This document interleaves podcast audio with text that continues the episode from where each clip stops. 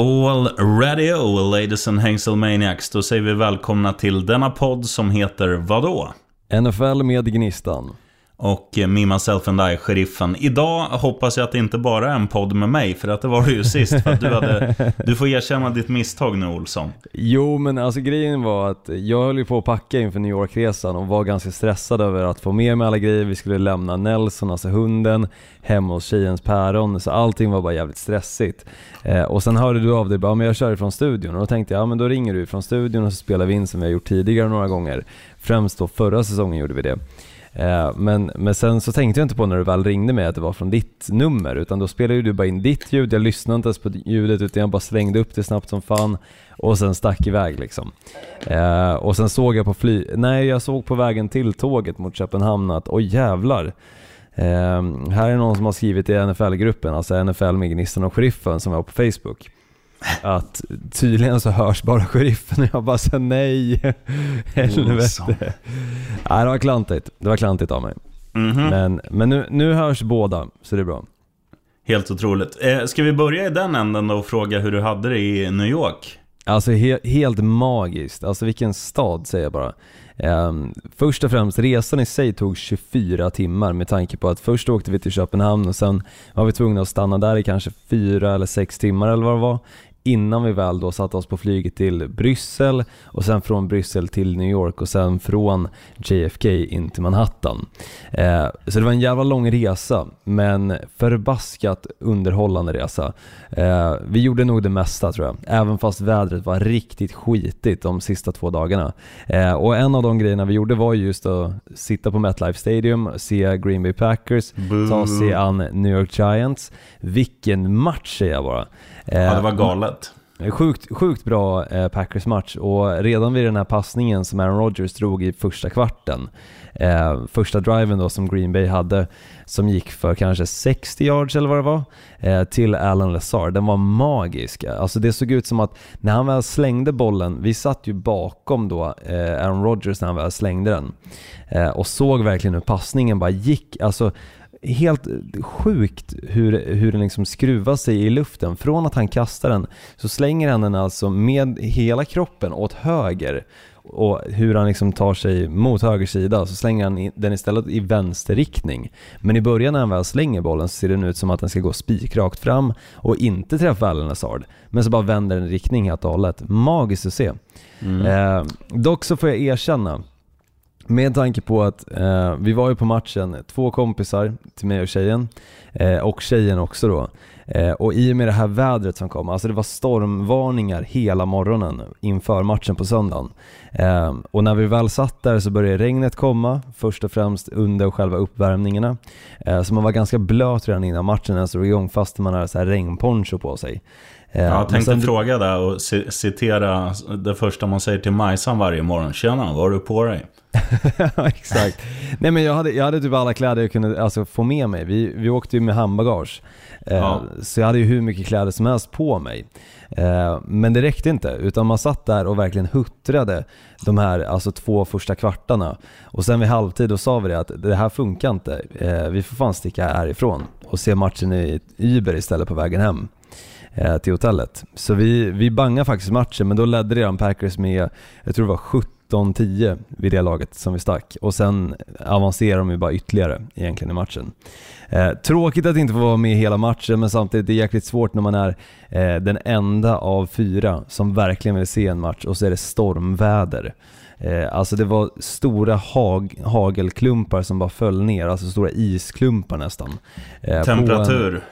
Temperaturen låg kanske på minus en eller två grader, men alltså den där arenan, fy fan vad den är byggd på ett risigt jävla sätt. Alltså det blir bara som ett alltså, stort så här vind, en vindtunnel av hela arenan egentligen. För att det är hål i hela arenan. Det finns inte ett ställe att ställa sig där du verkligen liksom får skydd från regn och vind. Det var så jäkla kall arena. Eh, så jag har faktiskt bestämt mig nu efter den här matchen att jag kommer aldrig åka och se en match på en utomhusarena under december eller januari månad. Det händer inte igen. Ja, det, är, det är bra att du lärde dig någonting i alla fall.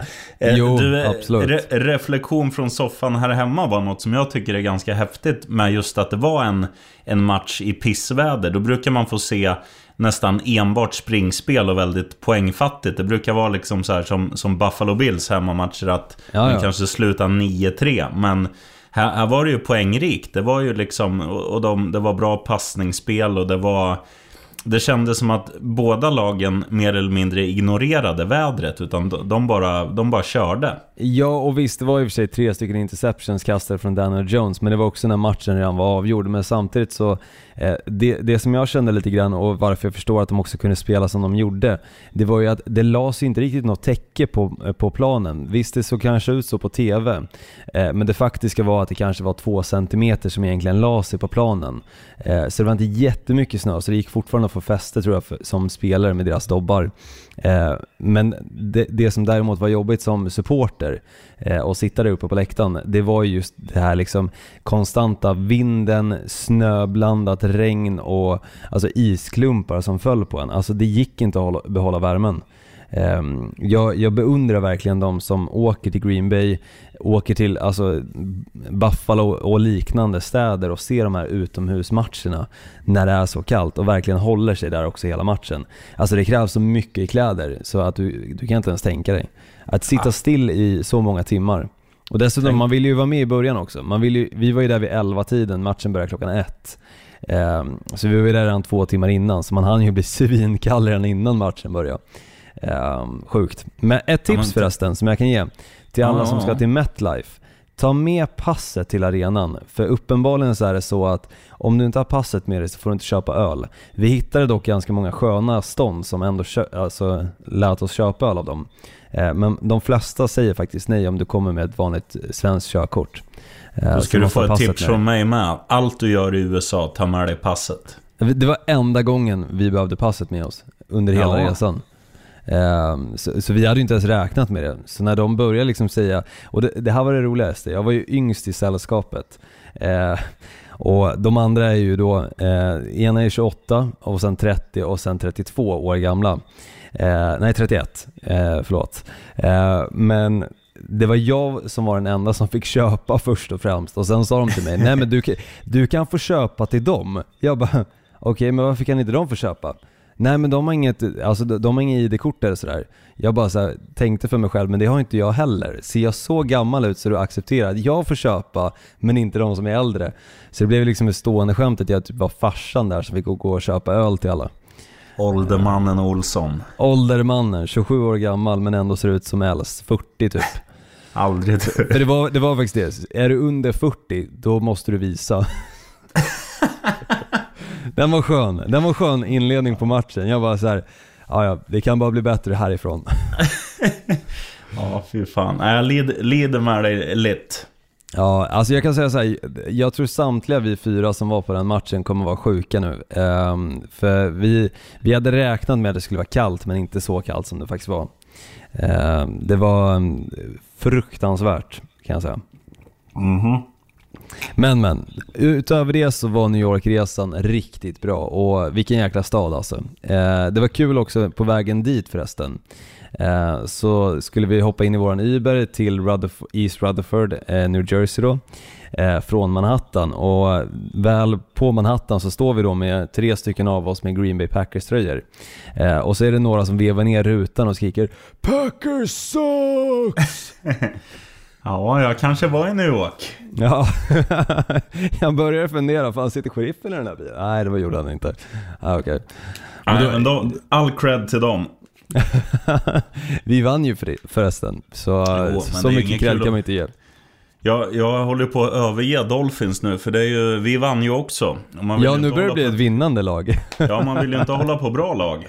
Nej, vilka ska du hålla på istället? Bengals vann ju för fan sin match också, och Redskins. Alltså vet du hur stor chans det var att de här tre lagen skulle vinna sina tre matcher?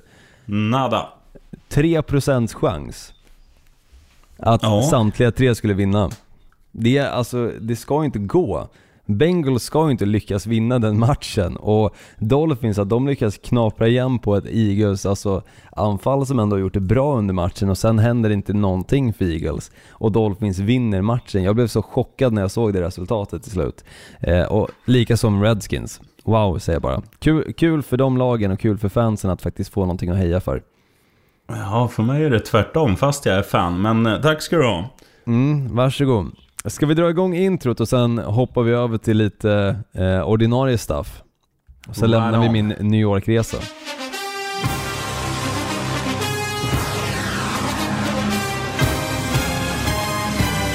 You're gonna feel that vibe, I promise y'all. You're gonna feel it. Yeah. Thanks for having the way. We good. We good. Oh, he's thrown out of bounds over on the far side, and there's a couple of penalty flags.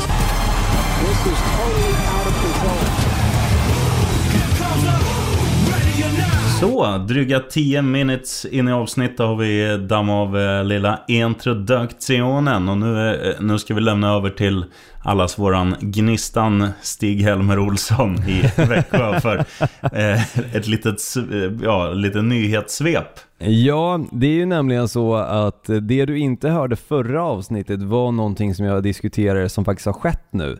Eh, nämligen om Jacksonville Jaguars inte borde bänka Nick Foles eh, och istället starta Gardner Minshew. De gjorde ju det nu i matchen, eh, som de dock förvisso förlorade. Eh, men Gardner Minshew fick komma in och eh, försöka göra det lilla han kunde. Eh, men nu är det alltså klart att Gardner Minshew kommer starta den här veckan och vad jag har förstått det som så ska han starta resten av året också. Och det tycker jag är helt rätt från Jaguars ja, ja. sida. För Nick Foles har inte gjort någonting. Han har haft tre stycken touchdowns tror jag och tre stycken interceptions. That's it. Eller om det är till och med en touchdown och tre interceptions, jag kommer inte riktigt ihåg. Eh, som sagt, jag, jag, är, jag är lite snurrig i skallen nu eh, just idag med tanke på att vi kom hem vid, i Växjö vid 15-tiden och åkte från New York igår vid 18. Eh, vilket är alltså typ 12 svensk tid. Har du inte sovit något på planer då? Knappt, jag kan inte riktigt sova på flyg eller tåg, eh, eller bil eller så. så. Så jag är lite mossig i skallen. Jag försökte sova lite grann men då hade vi precis hämtat upp Nelson som var skittaggad och bara ville leka istället. Eh, I och med att vi inte hade sett honom på fem nätter så, ja. så jag har inte sovit så mycket. Men, men som sagt, Gardner Minshew kommer förmodligen att starta resten av året men det är helt hundra att han kommer starta nu i helgen i alla fall. Eh, och som sagt, jag tycker det är helt rätt. Eh, in med Minshew ja. och få lite anda i det där laget. Och sen är det ju så här också att Minshew är ju så mycket mer. De, de fattar ju inte det där själva när de, när de slängde in han för första gången när Foles blev skadad. För att Gardner Minshew är ju en, en rörelse, en hype, en... Ikon liksom, är han. Ja, men en, en, som gör att andra eh, alltså individer som inte håller på Jacksonville bryr sig om Jacksonville. Han är, han är ju liksom the typ man of the hour every hour. För att dra ja, en verkligen. amerikansk eh, referens. Absolut. Nej, men, och, och det som är så häftigt med honom liksom är ju att han från början var det ju bara det visuella som, som var tilltalande och så här, fan vilken skön style han har. Och sen när han går ut på planen och faktiskt visar att han dessutom är spektakulär där också och, och liksom en, en jävla hjälte. Det gör ju att man, man är ju Ja, man är ju nära att tjacka en Mincho-tröja och säga upp sig från jobbet, odla mustasch och börja spela amerikansk fotboll liksom. Nej, jag tror inte du ska säga upp dig från jobbet, men att odla en Mincho-mustasch, absolut. Jag hade faktiskt det under november månad. Eh, jag rakade av den precis innan New York-resan, men eh, det var en liten Mincho-mustasch. Eh, jag kan lägga upp en bild kanske i gruppen sen, NFL med Gnistan och Sheriffen, alltså på Facebook. Tycker jag. Absolut. Eh, men eh, nej, han är ju en jävla ikon alltså. Jag, tycker, jag tycker det blir kul att se honom också. Jag tror också att det kan ge Jacksonville en chans att vinna några matcher, vilket jag tror inte att Nick Foles kan göra just nu för Jacksonvilles räkning. Utan det känns som att Nick Foles fungerar bra i Philadelphia Eagles anfall, han fungerar inte alls bra i Jacksonville Jaguars. Eh, utan där är Minshew mannen. Och jag tror att det är också det som kommer vara faktum för nästa år. Att Minshew kommer vara deras the guy, helt enkelt. Mm. Ja, det vore tjänstefel annars. En annan nyhet eh, som faktiskt kom för fem minuter sedan ungefär. Eh, vi spelar in det här på tisdag kväll, eh, men eh, det är att Panthers har sparkat deras head coach Ron Helt Rivera rätt. efter förlustmatchen mot Redskins. Eh, och jag tänker bara så här, jag tycker också att det är helt rätt gjort. Eh, lite väntat också med tanke på hur det ändå har gått. Eh, det gick väldigt bra i början på säsongen när de körde med Kyle Allen, men nu på senaste så har det blivit ganska stora förluster. Eh, och jag kan förstå just det, att förlora mot Redskins, ett lag som absolut inte bör kunna, kunna gå och förlora mot. Framförallt inte med det laget som ändå eh, Carolina Panthers har, så förstår jag att man ändå väljer att sparka eh, Ron Rivera. Men vilka andra headcoaches eh, ligger pyrt till just nu skulle du säga? Oj, oj, oj. Då måste jag göra så här Olsson, att jag måste ta fram tabellen. Sen måste jag... en som, en som jag, jag kan säga direkt. Tänka är ju, eller två egentligen, Pat Shermer i eh, New York Giants som faktiskt gjorde, har gjort det sämre hittills än Ben McAdoo gjorde. Ben McAdoo, to, ben McAdoo tog ju trots allt ändå Giants till ett slutspel. Eh, det har ju verkligen inte Pat Shermer lyckats med. Eh, och det laget har ju sett riktigt skakigt ut också fastän de har fått in Daniel Jones som var bättre än vad man trodde när han draftades. Eh, men sen kikar man på Freddie Kitchens i Cleveland Browns där är ju verkligen ja, han, en headcoach som borde få sparken. Alltså han kommer ryka. Men eh, jag skulle säga den som, är, den som jag skulle ge högst odds att inte träna sitt lag när nästa säsong blåses igång om han inte redan får dojan under det här året. Det är han som tränar Chargers och heter Anthony Lynn. Absolut, men där, där tycker jag samtidigt också att man kan skylla ganska mycket på, eh, visst, alltså Philip Rivers skulle jag säga är den stora anledningen till att det har gått så knackigt för Chargers. För att han har satt Chargers i sådana situationer så att de har förlorat åtta av matcherna de har förlorat, vilket jag tror är eh, lika många matcher som de faktiskt har förlorat. Har de förlorat med mindre än eh, antingen sju eller mindre poäng. Eh, och där skulle jag säga att det är Philip Rivers eh, fel, för att hans felpassningar som leder till interceptions, där motståndarlaget ställer sig i en väldigt bra position för att kunna göra poäng, gör att hela tiden försvaret måste jobba i motvind. Eh, och det blir ju också att laget jobbar i motvind och Philip Rivers måste göra ännu mer för att kanske vända matchen och då gör han ännu fler misstag. Eh, jag ska inte skylla jättemycket på just headcoachen där utan mer faktiskt på Philip Rivers att de behöver en ny eh, quarterback. Och en ny headcoach. Next. Ravens, Bills, Chiefs, Patriots, 49ers och Seahawks kan samtliga clincha en plats i slutspelet under kommande vecka. Eh, och av de här lagen, vem är egentligen det mest otippade att redan vecka 14 kunna clincha en slutspelsplats? Jag vet ju vilka jag eh, säger. Jag säger Seahawks, för jag tycker att eh, även om de liksom är bra i grunden så tycker jag inte att de är lika vassa som, som övriga nämnda lag. Så du kan ju inte säga säger... att Seahawks är mer otippade än vad Bills är. Ja, men Bills har ju ändå, alltså det är ju så här också att Bills tyckte jag man såg i fjol redan att, att de har någonting på gång. För att de, de, de etablerar ju ett av ligans bästa försvar i fjol. De fick fram sin, sin farbror på QB-positionen, Josh Allen, som är Eh, alltså som är eh, ja, jävligt bra just i Buffalo. Han passar deras, deras style. Eh, så att jag tyckte ändå att de hade liksom en, en bättre grund än vad Seahawks egentligen hade. Även om de absolut har en bättre quarterback och kanske har några spelare som sticker ut eh, mer. Men, men jag tycker att Buffalo liksom har visat som lag att de är på gång. Plus att de, de spelar i en väldigt svag division med undantag för New England Patriots. Så att de har ju Ehm, till stora delar, nu ska jag kolla hur många divisionsmatcher de har spelat. De har spelat fyra divisionsmatcher.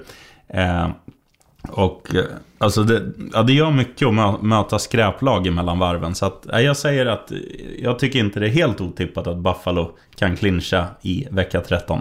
Nej, jag, för, jag förstår väl på, den, på det sättet, men samtidigt, jag såg ju Seahawks som de givna vinnarna av NFC West. Nu såklart så ligger ju 49ers med samma eh, record. Men det, det, är ju det där inbördesmötet som faktiskt Seahawks lyckades vinna eh, mot 49ers i divisionen då. Eh, som gör att Seahawks leder den divisionen och också ligger eh, tvåa i NFC. Ehm, alltså second seed då. Uh, first seed är ju uh, Saints som redan har clinchat en slutspelsplats med tanke på att deras division är ju pissblöt. De har ju mm. Carolina Panthers, Tampa Bay Buccaneers och ett fjärde lag som jag inte ens kommer på just nu. Atlanta Falcons. Atlanta Falcons, tack så mycket. De som jag trodde skulle vinna Super Bowl. Fy Olsson. fan. Det säger ja, allt. Ja, det säger allt. Det gör verkligen det. Nej, men jag, jag tycker det är väldigt spännande faktiskt också att eh, Buffalo Bills ändå ligger här de ligger. Alltså de är en match ifrån New England Patriots just nu. Skulle det vara så att New England Patriots förlorar en match till så har ju Buffalo Bills en ganska stor chans att faktiskt kunna knipa hem den här divisionen för första gången på, vad är det, 16 år. Som ett annat det lag hade Patriots. varit sjukt. Det hade varit sjukt. Alltså hade man tippat det innan säsongen väl drog igång, då hade man nog fått ganska bra med deg. Eh, och dessutom, jag tycker Tittar man på Patriots, nu är det väldigt, väldigt mycket snack om att Patriots är verkligen alltså has-beens på så sätt att, framförallt om man kikar på anfallet, för att Tom Brady spelar inte bra just nu. Han har inte spelat bra de senaste veckorna, men nu börjar det verkligen påverka laget också. Eh, matchen mot Houston Texans, det var flera felpassningar, eh, några interceptions för den delen också, som gjorde då att Houston Texans kunde bara dra iväg. Sen absolut att Patriots fick en chans i slutet på matchen att kunna eh, ta sig tillbaka in i matchen. Men eh, trots det inte lyckades, säger också ganska mycket om vilket Patriots-lag som är i år kontra de tidigare åren. Jag tror faktiskt att Patriots kommer vara ganska uträknade i slutspelet. Även fast de kommer ta sig dit. Och det är skönt att säga. Eh, men visst, man ska aldrig säga för mycket när det kommer till just New England Patriots, tyvärr. Jag tror, jag tror du tog fel ordval där. Jag tror inte de kommer vara uträknade, utan jag tror alla kommer tro de, de ska vinna som alltid. Däremot så så är det inte säkert att de vinner. Nej, men, så är det. Eh, men eh, reflektion kolon på, på Patriots också, där, där, man får säga till deras försvar, det är att alla de här offensiva nyckelspelarna, om man tittar vecka ut och vecka in hur det, hur det liksom ser ut, då står det eh, inför väldigt många matcher så står det att Brady, Edelman och de här grabbarna som gör det vecka ut och vecka in, att de är eh, frågetecken inför matcherna. Det, det innebär ju att de dras med någon typ av skada som de de tar en Alvedon eller en spruta eller något och, och liksom spelar igenom det. Eh, jag tror det kommer bli så att när de väl clinchar, det, det, känns ju som att de skulle kunna vila dem nu också och gå till slutspel ändå. Men jag tror när de har det på, på pränt, att det är ett, ett Z eller ett kryss eller vad det blir i, i tabellen när, när slutspelsplatsen är bärgad och förmodligen när de har vunnit divisionen också. Då tror jag att de, de kommer vila de spelarna som, som de har, har gått på hårt nu och som, som dras med lite, lite skador och skit. Så att de, de kommer... Eh, de kommer vara ganska vassa när det väl gäller som mest ändå. Så tror jag. Abs Men... Absolut, det kan ju säkert ske. Och skulle det dock ske så tror jag inte att New England Patriots kommer spela på hemmaplan eh, någonting under slutspelet i så fall. Om de väl skulle börja vila sina spelare. Låt oss säga att de vinner matchen nu i helgen och clinchar då Eh, en slutspelsplats. Jag tror att det är lite fler, eh, fler, grejer som krävs för att de ska lyckas med det. Eh, men låt oss säga att de faktiskt clinchar den här slutspelsplatsen redan i helgen och börjar vila sina spelare. Då tror jag faktiskt att New England Patriots chans för en hemmaplansfördel under slutspelet är grusade. Och det skulle jag säga är skönt, för det innebär ju att vi inte behöver se matcher på Gillette Stadium där Patriots är totalt dominanta, utan faktiskt få se dem i andra arenor. Men vidare då, sheriffen. Um, för det var någonting vi missade lite tidigare. Jag vill höra lite takeaways med tanke på att jag kunde inte sitta och kolla på åtminstone matcherna som börjar då sju här i Sverige och klockan ett då i USA. Uh, med tanke på att jag själv var på en match. Uh, men har du några takeaways från vecka 13? Ja, absolut. Uh, och, och det, någonting som, jag vet inte om vi har varit inne på det, men Eh, kan det vara så att Baker Mayfield är grisen i säcken? Att han liksom... Att han var fjolårets Gardner Minshew. Att han, att han liksom var... Han kom in i ligan, tog... Ja men tog det med... Vad säger man? Tog ligan med storm. Blev en liten posterboy för nya Cleveland Browns. Men nu när, när det liksom är upp till honom och... Om man tittar på vilka lekkamrater han har, att han inte kan göra det bättre. Eh, kan det vara så att, att de har draftat ännu en pissblöt quarterback? För att nu borta mot Pittsburgh i helgen. Oh, jag blev galen. Jag satt ju, det var ju det enda jag missade på kupongen också, Cleveland Browns. Den var ju klar tyckte man. Men icke. Eh, nej, jag vet inte. Jag, jag, jag, jag blir galen. Jag blir galen. Ja. Jag, jag, tycker att... Eh, jag tror Baker Mayfield är ännu en, en pissblöt eh, draft av, av Cleveland Browns. Så känns jag, det nu. Jag förstår vad du säger, men samtidigt tycker jag någonstans att han har haft otur nu med headcoachen Freddie Kitchens. För Freddie Kitchens, alltså den tröjan som han dök upp med till Steelers-matchen, eh, där det stod att eh, Pittsburgh started it. Alltså det säger ganska mycket om alltså, vilken jävla mongo-coach det egentligen är. För att alltså, efter att en av dina egna spelare slår en quarterback, eller slår en annan spelare, alltså oavsett position, i huvudet med en hjälm. Och sen går man ut till nästa match när man möter dem igen och skriver liksom att eh, Pittsburgh started it. Alltså det, det är liksom alltså, sån jävla låg nivå. Eh, så att det är pinsamt. Och, och det tillsammans med då att de har två stycken stjärn wide receivers som förvisso, alltså de kan fånga bollar exceptionellt bra, men vi har också sett bägge två eh, flunka ganska hårt och det känns som nu när de spelar tillsammans eh, så blir det för mycket för Baker att ta, ta in liksom. Det blir två stycken stjärnspelare som du måste fördela bollarna till och du försöker göra allt för att hålla dem nöjda för att det ska hållas i nöjt, alltså bra stämning i omklädningsrummet också. Jag tror det är för mycket för ba Baker alltså. Eh, jag tror inte att han är grisen i säcken. Jag tror att han har bara fel pusselbitar runt omkring sig. Ska vi börja kalla honom för bagaren? Bagan kan man göra, absolut. Fan, perfekt.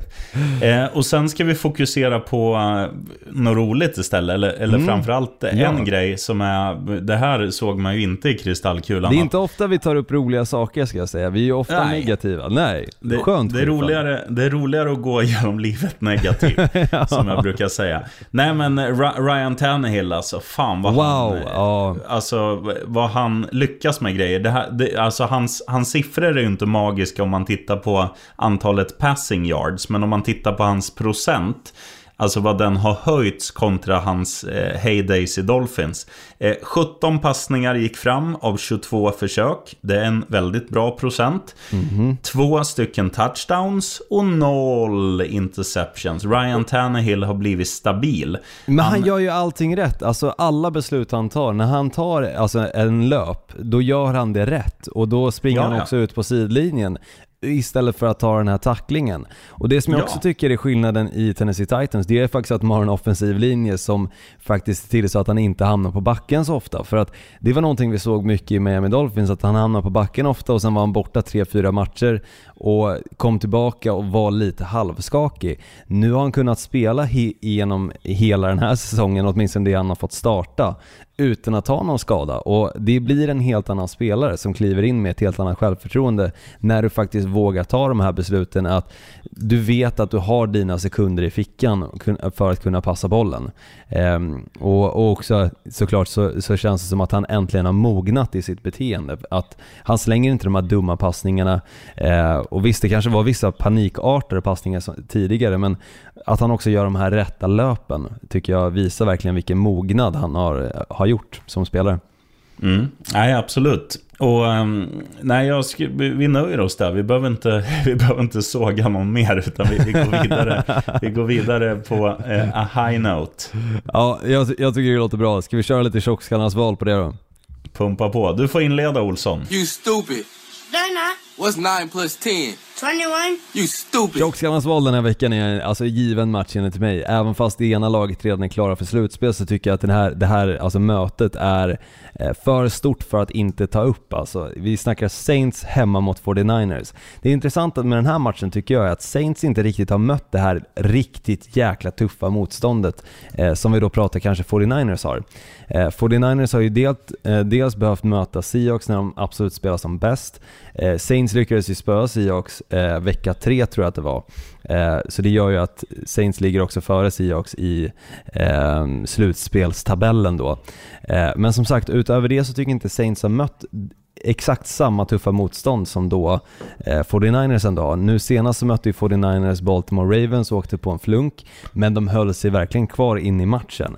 Alltså den matchen slutade 17-20 och det var in i slutet vem som helst match att vinna. Eh, det hade lika gärna kunnat vara 49ers som faktiskt vann den. Ja, ehm. det, det som var grejen i den var ju också att hade 49ers eh, varit lite smartare, alltså de var ju de gick ju före. Det, det är kul att se offensiva lag, men det var, det var väldigt många gånger det var så här fjärde och tre där de gick före. Eh, och, och sen avgjordes det på att, att Baltimore istället var smarta och de, de maskade ner tiden och Justin Tucker sparkade in den i, i matchens sista sekund. Eh, mm. när ställningen var even Steven på 17. Så att Eh, hade de fått göra om den matchen så hade nog San Fran vunnit. För de var bättre än Baltimore tycker jag i den här fighten. Jag tycker också det. Och, och jag tycker att San Francisco 49ers just nu är ju definitivt NS, NFCs bästa lag. Det är inte Saints som just nu ligger etta då i rankingen. Eh, och det är inte heller eh, Seahawks skulle jag säga, utan jag tycker 49ers har ett mer solidt lag och de kan verkligen ta sig an ett lag som Baltimore Ravens som de senaste veckorna ingen har lyckats stoppa ingen har varit nära att kunna spöa Lamar Jackson och hans Baltimore eh, förrän nu de tog sig an 49ers och det tycker jag säger ganska mycket om vilken form 49ers i. Det här hade lika gärna kunnat vara en skräll med tanke på att 49ers är underdogs i den här matchen. Men jag tror att 49ers kan vinna med tanke på att de också har mer att spela för. Eh, Saints har ju redan vunnit divisionen så de är klara för slutspel tack vare det. Det de spelar för just nu är hemmaplansfördel och det betyder jättemycket såklart. Men det 49ers spelar för just nu, det är dels att vinna divisionen men också hemmaplansfördelen. Eh, och dessutom så känner jag att 49ers är det bättre laget. Eh, så, men sjukt intressant match tror jag att det kommer bli. Eh, mm. För det är en högljudd arena, riktigt högljudd arena. Eh, och det vore jobbigt ska jag säga, eh, som Green Bay Packers-fan, ifall det nu blir så att Saints vinner, eh, eller blir första sid och Seahawks blir andra sid. För det innebär ju att de lagen som kommer behöva möta de här ifall de nu går vidare från wildcard-rundan kommer ju åka till två av ligans absolut mest högljudda arenor. Eh, och det talar ju väldigt stor fördel både för Saints och Seahawks ifall de nu eh, håller sig kvar där de ligger. Eh, så rolig match, absolut. Mm. Över till mig, tack ska du ha. Ehm, det finns ju två lag som eh, under säsongen tycker jag har chockat resultatmässigt. Vi har snackat om det första laget, vi har snackat om Buffalo. Eh, och vi har, vi har inte snackat om Baltimore Ravens, men de har ju också något väldigt stort på gång. Alltså Ravens 10-2 eh, åker till eh, ett förmodligen snöigt Buffalo som ligger på 9-3. Det här är liksom ett, ett toppmöte och det är ju samma här, alltså de, de slåss ju om seeds inför slutspelet. Så det är, ju, det är ju en viktig match även om båda lagen eh, kommer vara i slutspel. Det, det kan ju klubba här och nu. Eh, och, och, det blir också spännande att se för det är två lag som är ganska lika. Alltså det är inte så att de, de utnyttjar sitt eh, passningsspel till 100% utan det handlar ju mycket om, om quarterbacksen och deras mobilitet. Nu är ju Lamar Jackson bättre än Allen, eh, framförallt snabbare och tar, tar liksom fler yards. Men Eh, ja, det ska bli jävligt kul att se om de triggar varann och liksom de vill överglänsa varann. Att jag ska ha flest yards, nej jag ska ha flest yards. Du ska inte få bollen, jag ska behålla den. Alltså det, det, kommer, det kommer bli svängigt. Och ja, dessutom, mm. om, om det nu dessutom blir eh, pissväder, eh, som det brukar vara de här veckorna i New York-området, så eh, då, då kommer det bli springa för hela slanten. Och Eh, det, det, ska bli kul att se en sån alltså, här jag, matchup. Jag tror verkligen att, alltså är det en sån här snömatch som vi såg förra året och som lite var också nu när jag var i New York på eh, MetLife Stadium. Är det det på den här matchen tror jag faktiskt att det talar lite till Buffalo Bills fördel. Eh, för Buffalo Bills är verkligen ett lag som är sjukt vana, alltså de tränar i den här snön nästan dag in och dag ut och senaste tiden har det dessutom varit storm i New York-området. Eh, så de, de är vana vid snön och har verkligen jobbat på fotfästet till skillnad från kanske Baltimore Ravens som eh, kör, inte kör lika mycket i snö. Eh, så, så, jag tror att snöre så fördel Buffalo, absolut. Faktiskt. Och då blir det mm. jäkligt spännande att se den matchen. Håller med. Roliga matcher, eh, så kan vi säga. Shocking. Positively shocking. Över till Olsson. jag vet, jag börjar.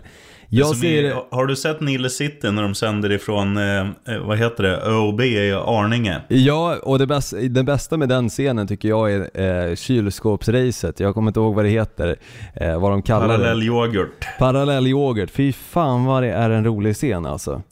Magisk. Bra. Men, mm. men, eh, för, för er som inte vet vad det är, då är det alltså, de, de står vid ett kö, eller en så här stor affär på en parkering och det händer ingenting. Så att de bollar mellan varandra. Över till Olsson. Över till Larsson. Över till Olsson. Och nu är vi hos Olsson. Låt ja, höra skrällen. Ja, skrällen. Jacksonville Jaguars hemma mot Chargers. Som jag har varit inne på, Chargers skjuter sig själva i foten för att Philip Rivers skjuter sig själv i handen. Eh, och kliver in i matcherna med en alltså, hand som jag vet inte vad egentligen.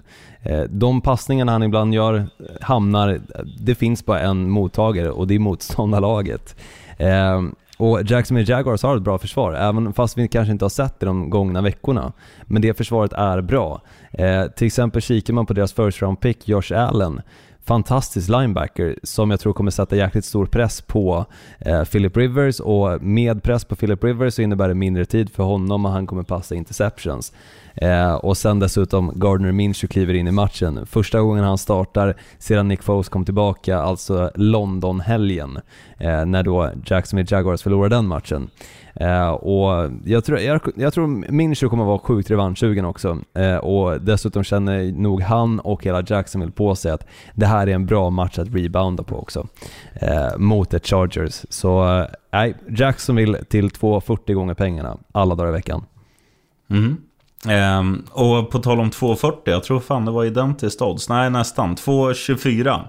Eh, så fyran var med där i alla fall. 2,24 gånger fläsket får du på Arizona Cardinals hemma mot, eh, mot Pittsburgh Steelers. Och varför tror jag då att de vinner? Ja men så här är det. Jag såg Pittsburgh-Baltimore. Jag tycker att det var inte att Pittsburgh var bra. Det var att, du tänker eh, Pittsburgh-Cleveland? Ja, förlåt, Cleveland. Mm. Det, det, var inte att Pittsburgh var bra, det var Cleveland som var, som Cleveland ofta är, väldigt dåliga. Och tittar man istället på Arizona nu, när de har fått fram sin, sin nya kelgris på quarterback-positionen, så tycker jag att även om deras record är piss, att de bara vunnit tre matcher så här långt, så tycker jag ändå att de har varit med i många matcher. De har liksom visat att det finns en framtida potential, och sen har ju han byggt upp en Alltså en, en fin kemi med de, de viktigaste spelarna i det där laget.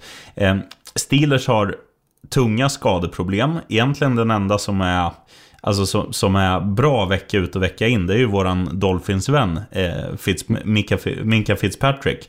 Eh, annars är det liksom ja, sådana här no-name-spelare som, som går in och gör ja, men någon bra grej här eller där. Jag tycker det finns en annan liksom kontinuitet, det bara rullar på i Arizona Cardinals även om resultaten inte har gått med. Nu hemma i öknen, även om det är inomhus. Nej fan, nu, nu tar de en skalp här och krossar Pittsburgh. Bam! Ja, alltså det intressanta är ju att Pittsburgh Steelers ändå är med i slutspelet om det hade slutat nu. Eh, som sjätte sid med deras record på 7-5. Med tanke på att de spelar just nu med deras fourth string quarterback eh, som är en undrafted free agent som har vunnit de två senaste matcherna. Eh, du var inne på det, mycket skador i det där laget, alltså Juju Smith-Schuster, James Conner, eh, Ben Roethlisberger. Eh, sen fjolåret så är ju eh, Brown också borta och året innan dess Le'Veon Bell. Alltså det, det är mycket så stora namn man ändå har liksom bara försvunnit ifrån Pittsburghs eh, start, alltså startlinje. Eller man säger. Och, och det, det, tycker jag ändå är beundransvärt att de då står på 7-5 och nu tar de sig an, precis som du säger, Arizona Cardinals. Och Arizona Cardinals hade ju en jättedålig match eh, mot Los Angeles Rams. De blev överkörda av Los Angeles Rams, men jag tror jo, att de... Men anledningen till det, Olsson, Ja. Anledningen till överkörningen var ju också att Rams kom ju från några riktiga plumpar och i grunden är ju de ett, ett jävligt bra lag. De var ju tvungna att visa både sig själva och deras fans att vi är inte kattskit. Vi var i Super Bowl förra året. Eh, och det var liksom inte en fluk eller en slump utan de, de tog sig i kragen. Och det var Absolut. Arizona som mm. fick betala för det. Absolut, och det är ju ett tacksamt lag att möta när man verkligen vill bevisa sig om man har ett riktigt bra lag. Men som du var inne på, mycket skador i Pittsburgh. Eh, absolut en stor chans för Arizona att vinna den här. Över till Olsson. Ja, och där, sheriffen, kan jag säga så här att det finns ju ett lag som går som tåget just nu. Miami Dolphins. Nej, jo de går förvisso också lite som tåget, vilket är rätt sjukt. Eh, och jag snackar inte Philadelphia Eagles heller, fast de än har J-Train. För de går definitivt inte som tåget. Eh, de har spårat ur för länge sedan. Jag snackar om det laget som var i New York i helgen och vann mot New York Giants. Green Bay Packers Boo. vinner hemma mot Washington Redskins. Washington Redskins kommer inte att vinna två matcher på raken, utan de möter Packers nu som eh, behövde den här rebound-matchen efter 49ers eh, flunken som de hade på bortaplan. Eh, och nu har det varit två bortaplansmatcher, alltså eh, två bortamatcher på raken. Så att komma hem till Lambo och dessutom ta sig an Redskins, det här är en enkel match för Packers del. Lätta stålar. Absolut, absolut. Eh, vi snackar om lag som går som tåget och ehm, alltså en... Ett lag som, jag är chockad att de inte har vunnit fler än fem matcher. För att jag, eh, det är samma där. Alltså jag, jag, tycker att, jag tycker att de har varit, varit med i förutom att de har vunnit fem matcher så har de ju varit med i typ alla andra matcher. Eh, lite orutin, lite otur, lite dåliga beslut från QB'n. Jag snackar givetvis om Tampa Bay Buccaneers som är mina eh, lätta stålar. Möter Indianapolis Colts på hemmaplan. Eh, Indianapolis Colts har ju gått helt åt andra eh, hållet. Började ursinnigt den här säsongen. Radade upp segrar. Jacoby Brissett såg, såg ut som Tom Brady och allt sånt där. Men det, det har börjat hacka där och, och, Tampa Bay nu när de liksom... Det finns ju ändå en teor, teoretisk chans om de skulle rada upp Alltså segrar återstående veckor och spela slutspel. Och det är en chans man inte vill ge upp. Så det, det känns som att vinden har börjat blåsa lite i Tampa Bays eh, flaggor. Så att jag tror Absolut. att jag tror, och, jag tror det blir kross. Kikar man bara de två senaste matcherna som bägge de två lagen har eh, spelat så har ju Colts förlorat bägge två matcher medan Tampa Bay har ju vunnit sina två senaste matcher. Eh, och det är ju klart att då kommer ju Tampa Bay kliva in med ännu mer självförtroende, spela hemmaplan dessutom. Eh, och som du säger, alltså det, det, är någonting som inte klickar riktigt i Indianapolis Colts. Jag skulle säga att det är Adam Vinatieri eh, som verkligen sätter eh, extra poängen eller sätter enkla field goals. Eh, alltså det är riktiga dåliga sparkar. Eh, mm. Och det här kommer definitivt vara hans sista säsong. Eh, och det tror jag faktiskt att det är för Tom Brady också. Eh, det, kan man, det kan man nog faktiskt spika redan nu. Eh, efter den här säsongen så kommer han nog inte vilja spela fotboll mer. Något som, något som vi snackade om i förra avsnittet, eller jag snackade om, för du hördes ju inte. Och jag, jag, tror, ingen, jag tror ingen ville sitta och lys, lyssna på mig som hade en monolog då. Men då snackade jag just om det här med, med poäng. Mm. Att det, jag gjorde ju en, en uträkning som var, ja, jag skulle säga att det var professorklass på den. Ja, men det var det. Eh, för att det som är grejen med Tampa Bay Buccaneers är att i år gör de så pass mycket poäng. Och, och det kommer de göra i den här matchen också, som som Colts alltså inte kan komma upp i. För som du säger där med Vinatieri, han är ju gammal som gatan och nu också lika dålig som en, en osopad gata i någon gränd i Buffalo liksom. Så att, eh, så att det, det kommer rassla in poäng på Tampas konto. Colts kommer inte göra mer än 21. Så att det är ju bara ja, easy money och det är där programpunkten heter. Varsågoda, mm. kör bara. Ready? One, two, three. You're a lad baby, you better shut it up. One, two, three. Okay. Uh, Chiefs tror jag vinner mot Patriots på Gillette Stadium. Så det är um, faktiskt en trippel fylld med skrällar, den här. Eh, sen har vi Jacksonville Jaguars vinner hemma mot Chargers som jag varit inne på och jag tror att 49ers vinner borta mot Saints. Eh, så tre stycken skrällar som ger dig mer än 2,30 gånger pengarna på samtliga. Låter bra. Eh, linan på matchen eh, New York Jets mot Miami Dolphins ligger på 45,5 poäng. Där blir det överspel. För att det här är två lag som inte har någonting att förlora. Och um, vad gör man då? Jo, man gasar offensivt. Har de bra försvar? Ja, Jets kanske har det i grunden, men det har inte sett bra ut den här säsongen. Dolphins satte ja, nu när de gjorde 37 poäng mot Eagles, det var ju det bästa de har gjort sedan, sedan 2015. och, är, och är det någonting som liksom påverkar, nu är inte Fitzpatrick eller Fitzmagic ung, men alla, alla som ska ta emot bollen och springa med bollen, de är unga. Vad påverkar? Jo, självförtroende. Är det mm. någonting de har nu när de åker till Äpplet så är det ju självförtroende. Det kommer, så länge det inte blir det här skitvädret som var nu när du var där.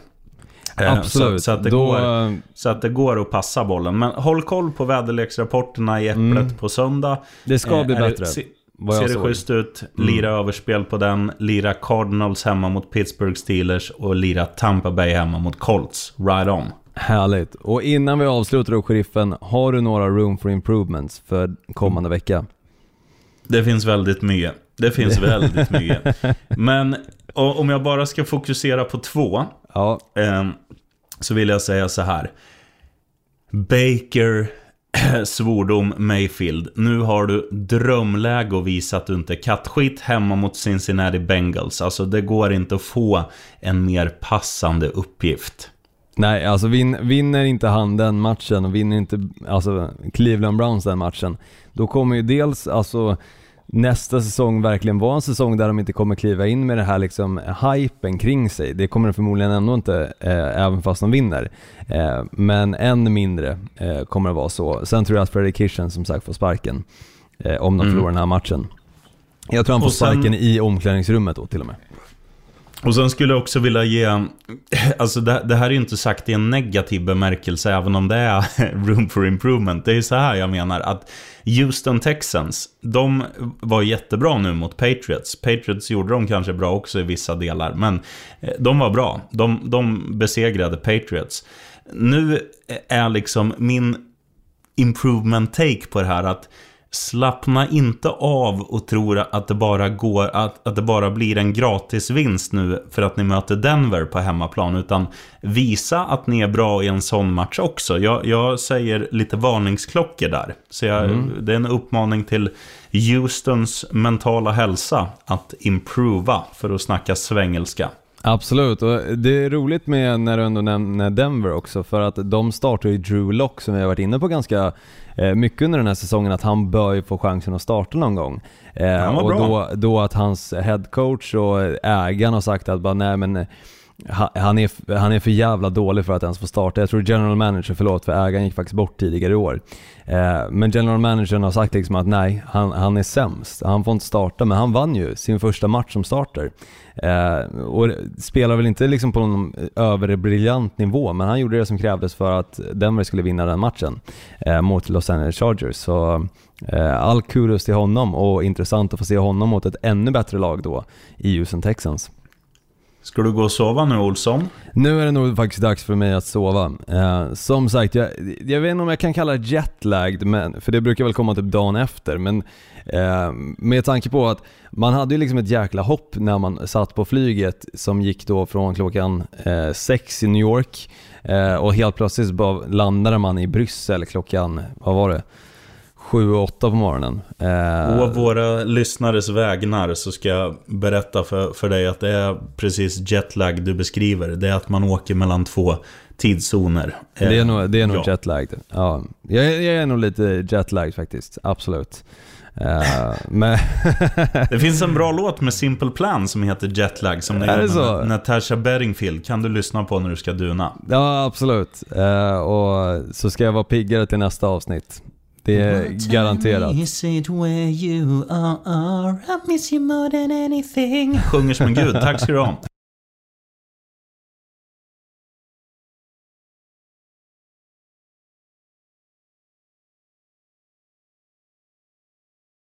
Pass out of the backfield, right? Bozzy Whitaker back toward the middle of the field to the 40, the 35, breaking tackles. It's got potential.